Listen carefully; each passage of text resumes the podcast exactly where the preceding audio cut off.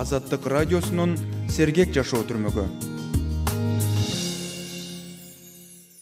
жай толуп турган маалда бишкектен прагага чыккан сапарымда манас эл аралык аэропортунда европага учуп бараткан көп мекендештерди учураттым. Учак күткөндөрдүн айрымдары алыскы закымдарга жетеленсе айрымдарынын көздөрү санаа менен үмүткө толгон алыска аттангандардын арасында үй бүлөсүн багуу үчүн чет өлкөгө жол тарткандар илим билимге умтулгандар иш сапарга дарыланууга бараткандар саякаттап чыккандар арбын. Азаттыктын бул жолку сергек жашоо подкастында оюнга тойбогон балалыгын оор илдеттин айынан узак дарыланууга олуттуу сыноого алмаштырган бөөктөр тууралуу кеп кылабыз менин аты жөнүм талгат абжалил уулу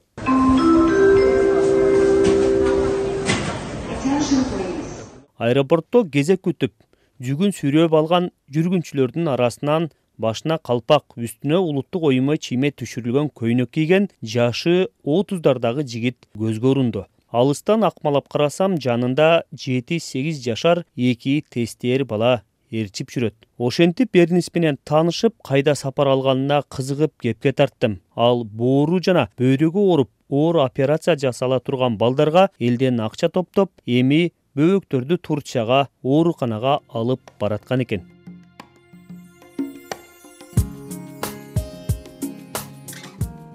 Кыргызстанда негизи көп. Боор оору бөйрөк оору. Анткени өзүбүздүн каражат боорун алмаштырууга жетпейт эле. Азыр донору ошол атасы булар чындыгында бир сом болсо дагы ошого муктаж кыргызстанда болсо элүү миң доллар эмес балким жыйырма миң доллар болмок. Бала төрөлгөндөн кийин эле бала саргайып баштайт. Бирөөнүн ажалынан бирөө акча жасап ойноп атат да отуз төрт жаштагы эрнис масиркулов жалал абад облусунун базар коргон районунун жазы кечүү айылында туулган төрт баланын атасы ал өткөн жылы балдардын бөйрөгү менен боорун алмаштырып операция жасатуу үчүн турциядагы клиника менен келишим түзүп өзү коомдук фонд ачып муктаждарга элден акча топтоп баштаган. Эрнис жаш балдардын өмүрүн узарткан алтын колдуу дарыгерлер менен былтыр жээнинин боорун алмаштырганы барганда таанышып калган экен. Фонд ачуу идеясы да ошондо жаралган. Мындан туура бир жыл мурун жээним жыйырма үчүнчү январь төрөлгөн болсо э, биз антип мынтип билип ушул боорун алмаштыруу керек экенин түшүнгөнүбүздө врачтардын айтуусу менен биз алгач бешинчи июнь күнү түркияга анталия шаарына учуп кеткенбиз. Ошол учурдан баштап элден каражат жыйнап анткени өзүбүздүн каражат боорун алмаштырууга жетпейт эле. Боорун алмаштырууну элүү миң доллар акш акчасы деген да. Кайрымдуу инсандардан жардам суроого аргасыз болгонбуз элге алып чыкканбыз телевидениеге тарттырганбыз. Ал күндү эстегим келбейт бирок айла жок. Ал күндү эстегенде мындай кыйналып кетем да. Себеби аябай кыйын учур болгон. Баягы жаш наристе болгону төрт айлык беш айлык наристе кандай болот деген ойлор болгон жыйырма беш миң доллар акча каражаты жыйналды азыр. Дагы жыйырма беш миң доллар акча каражаты жетпей турат дедим да. Ошондо жыйырма беш миң доллар акча каражатын мен берем деп гана бирөө өчүрүп койду. Өчүрүп койгондо баягы же ишенериңди же акча каражат чогулду деп сборду жаап кое албай алар анталияны сатып боюнча он экиде келди дагы акча каражатын берди. Бирок аты жөнүн айтпоону суранды. Мына ошол учурдан баштап менде ушундай ой болду да. Эмне үчүн кыргыз фонддор ушинтип жардам бере албайт. Колдон келе турган нерсе азыр интернеттин техниканын заманы экенин мен түшүндүм дагы. Мен кыргызстанга келдим. Келгенден кийин мен фонд ачуунун үстүндө иштедим. Бир ай жүгүрдүм уставын жаздырттым. Мен фондду визамду каткатып колума куөлүгүн алдым. Кыргызстанда негизи көп. Боор оору бөйрөк оору биз көбүнчө жаш балдарга басым жасаган үчүн эми улуу муундагылар эрезеге жетип он сегизге толгондор булар өзүлөрү деле интернеттин заманы да азыр техниканын заманы өзүлөрү деле чыгарып өзүлөрү топтой алат. Эми жаш балдар бул каражатты чогулта албайт да. Ошол үчүн биз көбүнчө жаш балдарга басым жасап жардам беребиз. Кыргызстанда орган алмаштырууга муктаж болгон жүздөгөн бейтап турция индия израиль жана орусия сыяктуу өлкөлөргө барууга муктаж. Эрнис бир жылдай боору менен бөйрөгүн алмаштыра турган алты өспүрүмгө элден акча топтогон. Туркияда бир баланын боорун алмаштыруу үчүн элүү миң акш долларындай кетет. Ал эми бөйрөгү үчүн бейтаптын жашына карап он төрт миң доллардан жыйырма эки миң долларга чейин болот. Бейтапка ата энесинин же кандаш жакын адамынын органы салынат. Андай операцияны жылдап күтүп бирок тилекке каршы оңунан чыкпай калгандары дагы бар. Ошол больницанын жетекчилиги менен кыргызстан боюнча координатору менен сүйлөшкөндө мен фонд ачсам иштеше алабызбы? деп сүйлөшкөм. Сүйлөшсөм ач аябай жакшы болот биз иштешебиз биз ар дайым даярбыз деди. Жалпы э, мен ачылып иштей баштагандан бери төрт баланы алып бардым. Кудай буюрса бешинчи алтынчы баланы алып кетиптам дагы. Анын ичинен бир гана белек фемурлан деген уулубуз операциядан кийин эки айдан кийин бир жарым ай эки айдан кийин чарчап калды. Эми баягы кыргызстанда фонддор кантет буларды ким каржылайт деген элде да күмөн ой бар. Муну ачык эле айтышыбыз керек. Биз фонддун чыгымы болот. Мисалы биз ушу сопровождить этип барабыз. Жол киреби чыгымдарыбыз бар ал жердеги эмелерибиз бар. Ошондон мисалы көп сумма болсо бир беш пайызына чейин алып иштетебиз. Эми ал уставда деле мында уставыбызда көргөзүлүү келишим түзүп атканда деле биз ошону ачык айтып түзөбүз чындыгында акча каражаттын жыйноо ушунчалык кыйын. Бирок элден айланса болот баягы эң азы үч сом. Үч сомдун услугасы беш сом. Ал бирок чын жүрөктөн ушул болсо да жардам берейинчи деп чын ниети менен берип атат да. Ал эми андан көп аты жөнүн айтпай беш миң он миң үч миң миң сом беш жүз сом миң сом эки жүз сом жүз сом стабильно которгон адамдар бар. Булар чындыгында бир сом болсо дагы ошого муктаж жандар. Жардамга аябай муктаж жандар бирок ушуну дагы пайдаланып өзүнүн кызыкчылыгына пайдаланган инсандар өзүбүздүн эле кыргыздар бар. Ошолорду көргөндө женим кейит анткени бирөөнүн ажалынан бирөө акча жасап ойноп атат да. Эринес бул жолу тогуз жашар баланын бөйрөгүн ал эми жети жашар кыздын боорун алмаштырганы алып баратыптыр. Айназик аэропортто оюнга алаксып эки жакты таң кала карап жылгаяк деп апасын кучактап жашоо үчүн тынымсыз күрөшүп жаткандай.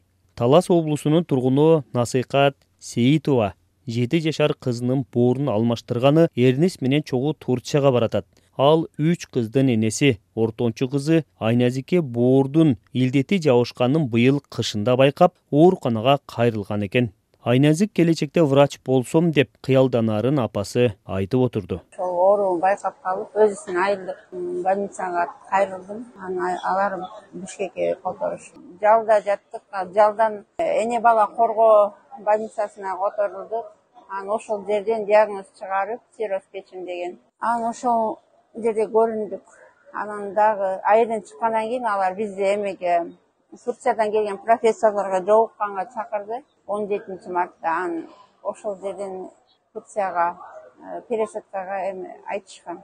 Азыр донор ошол атасы атасын даярдап ошол атасына ишенип врачтарга ишенип ушул кудай деп баратырат атасынын донору болуп боору жарап кетсе экен деп кудайдан тиленип отуруп. Өзү башкача кыз өзү бир нерседен бир нерсе таап эле ушундай кыялданып ушундай ар нерсени кыялданып ушундай да. Кээ биринде мугалим болом дейт мугалим жакпайт же врач болом деп ушинте берет да көбүнчө врач болом дей берет эрнесбек масиркулов балдардын боор бөйрөк сыяктуу органдарын кыргызстанда алмаштырууга мүмкүнчүлүк түзүлсө ал да канча жеңил болмок деген оюн ортого салды. Андай мүмкүнчүлүк болуп калса да тажрыйбалуу дарыгерлерди табуу өзүнчө чоң көйгөй деп чоочулайт. Жанагы социалдык сеттин президент түзмөсүн окуп калдык.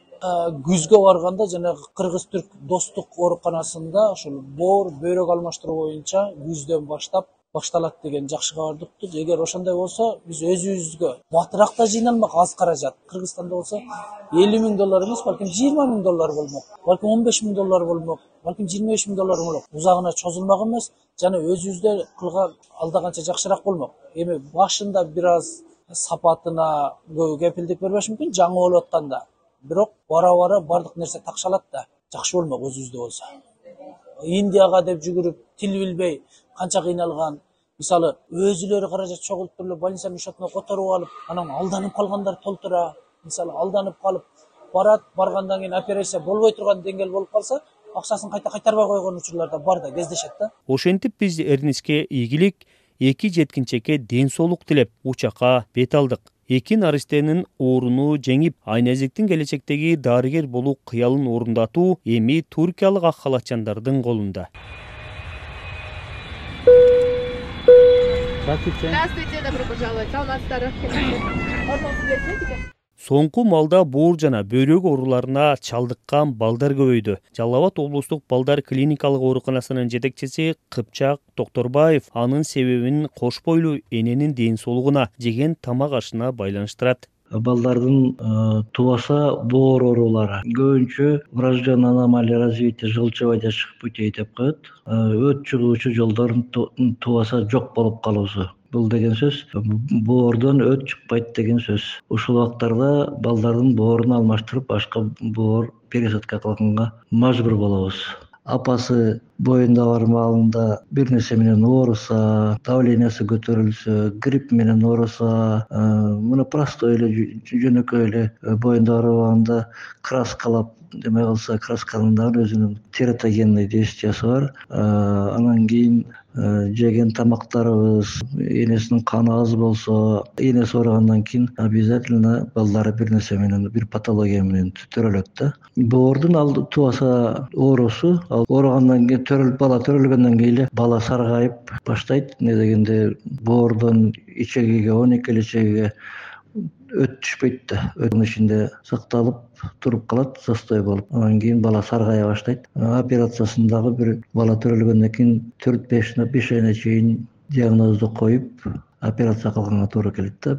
Беш айдан кийин баланын боорунда сироз башталат. Үч жыл мурда бишкектеги эне жана баланы коргоо улуттук борборунда онго жетпеген бейтаптын бөйрөгүн эксперименталдык негизде алмаштырылган. Трансплантациядан кийинки бейтапты кароого кыргызстанда адистешкен дарыгерлер жок. Өткөн аптада кыргыз бийлиги август айынан тартып бишкекте бөйрөк боор органдарын алмаштыруу операциялары жасала баштаарын жарыялады. Маалыматка караганда учурда туркиядан келген жүз жыйырма адис орган алмаштыруу операциясын жасоого жергиликтүү дарыгерлер менен бирге даярдык көрүп жатат. Расмий айтылгандай соңку төрт жылда орган алмаштырууга кезекке тургандар кыргызстанда төрт миңден ашкан. Эки миң жыйырма биринчи жылы орган алмаштыргандардын дары дармеги үчүн бюджеттен жетимиш сегиз миллион сом бөлүнгөн. Бейтаптардын кырк пайызы боор алтымыш пайызга чукулу бөйрөгүн алмаштырган.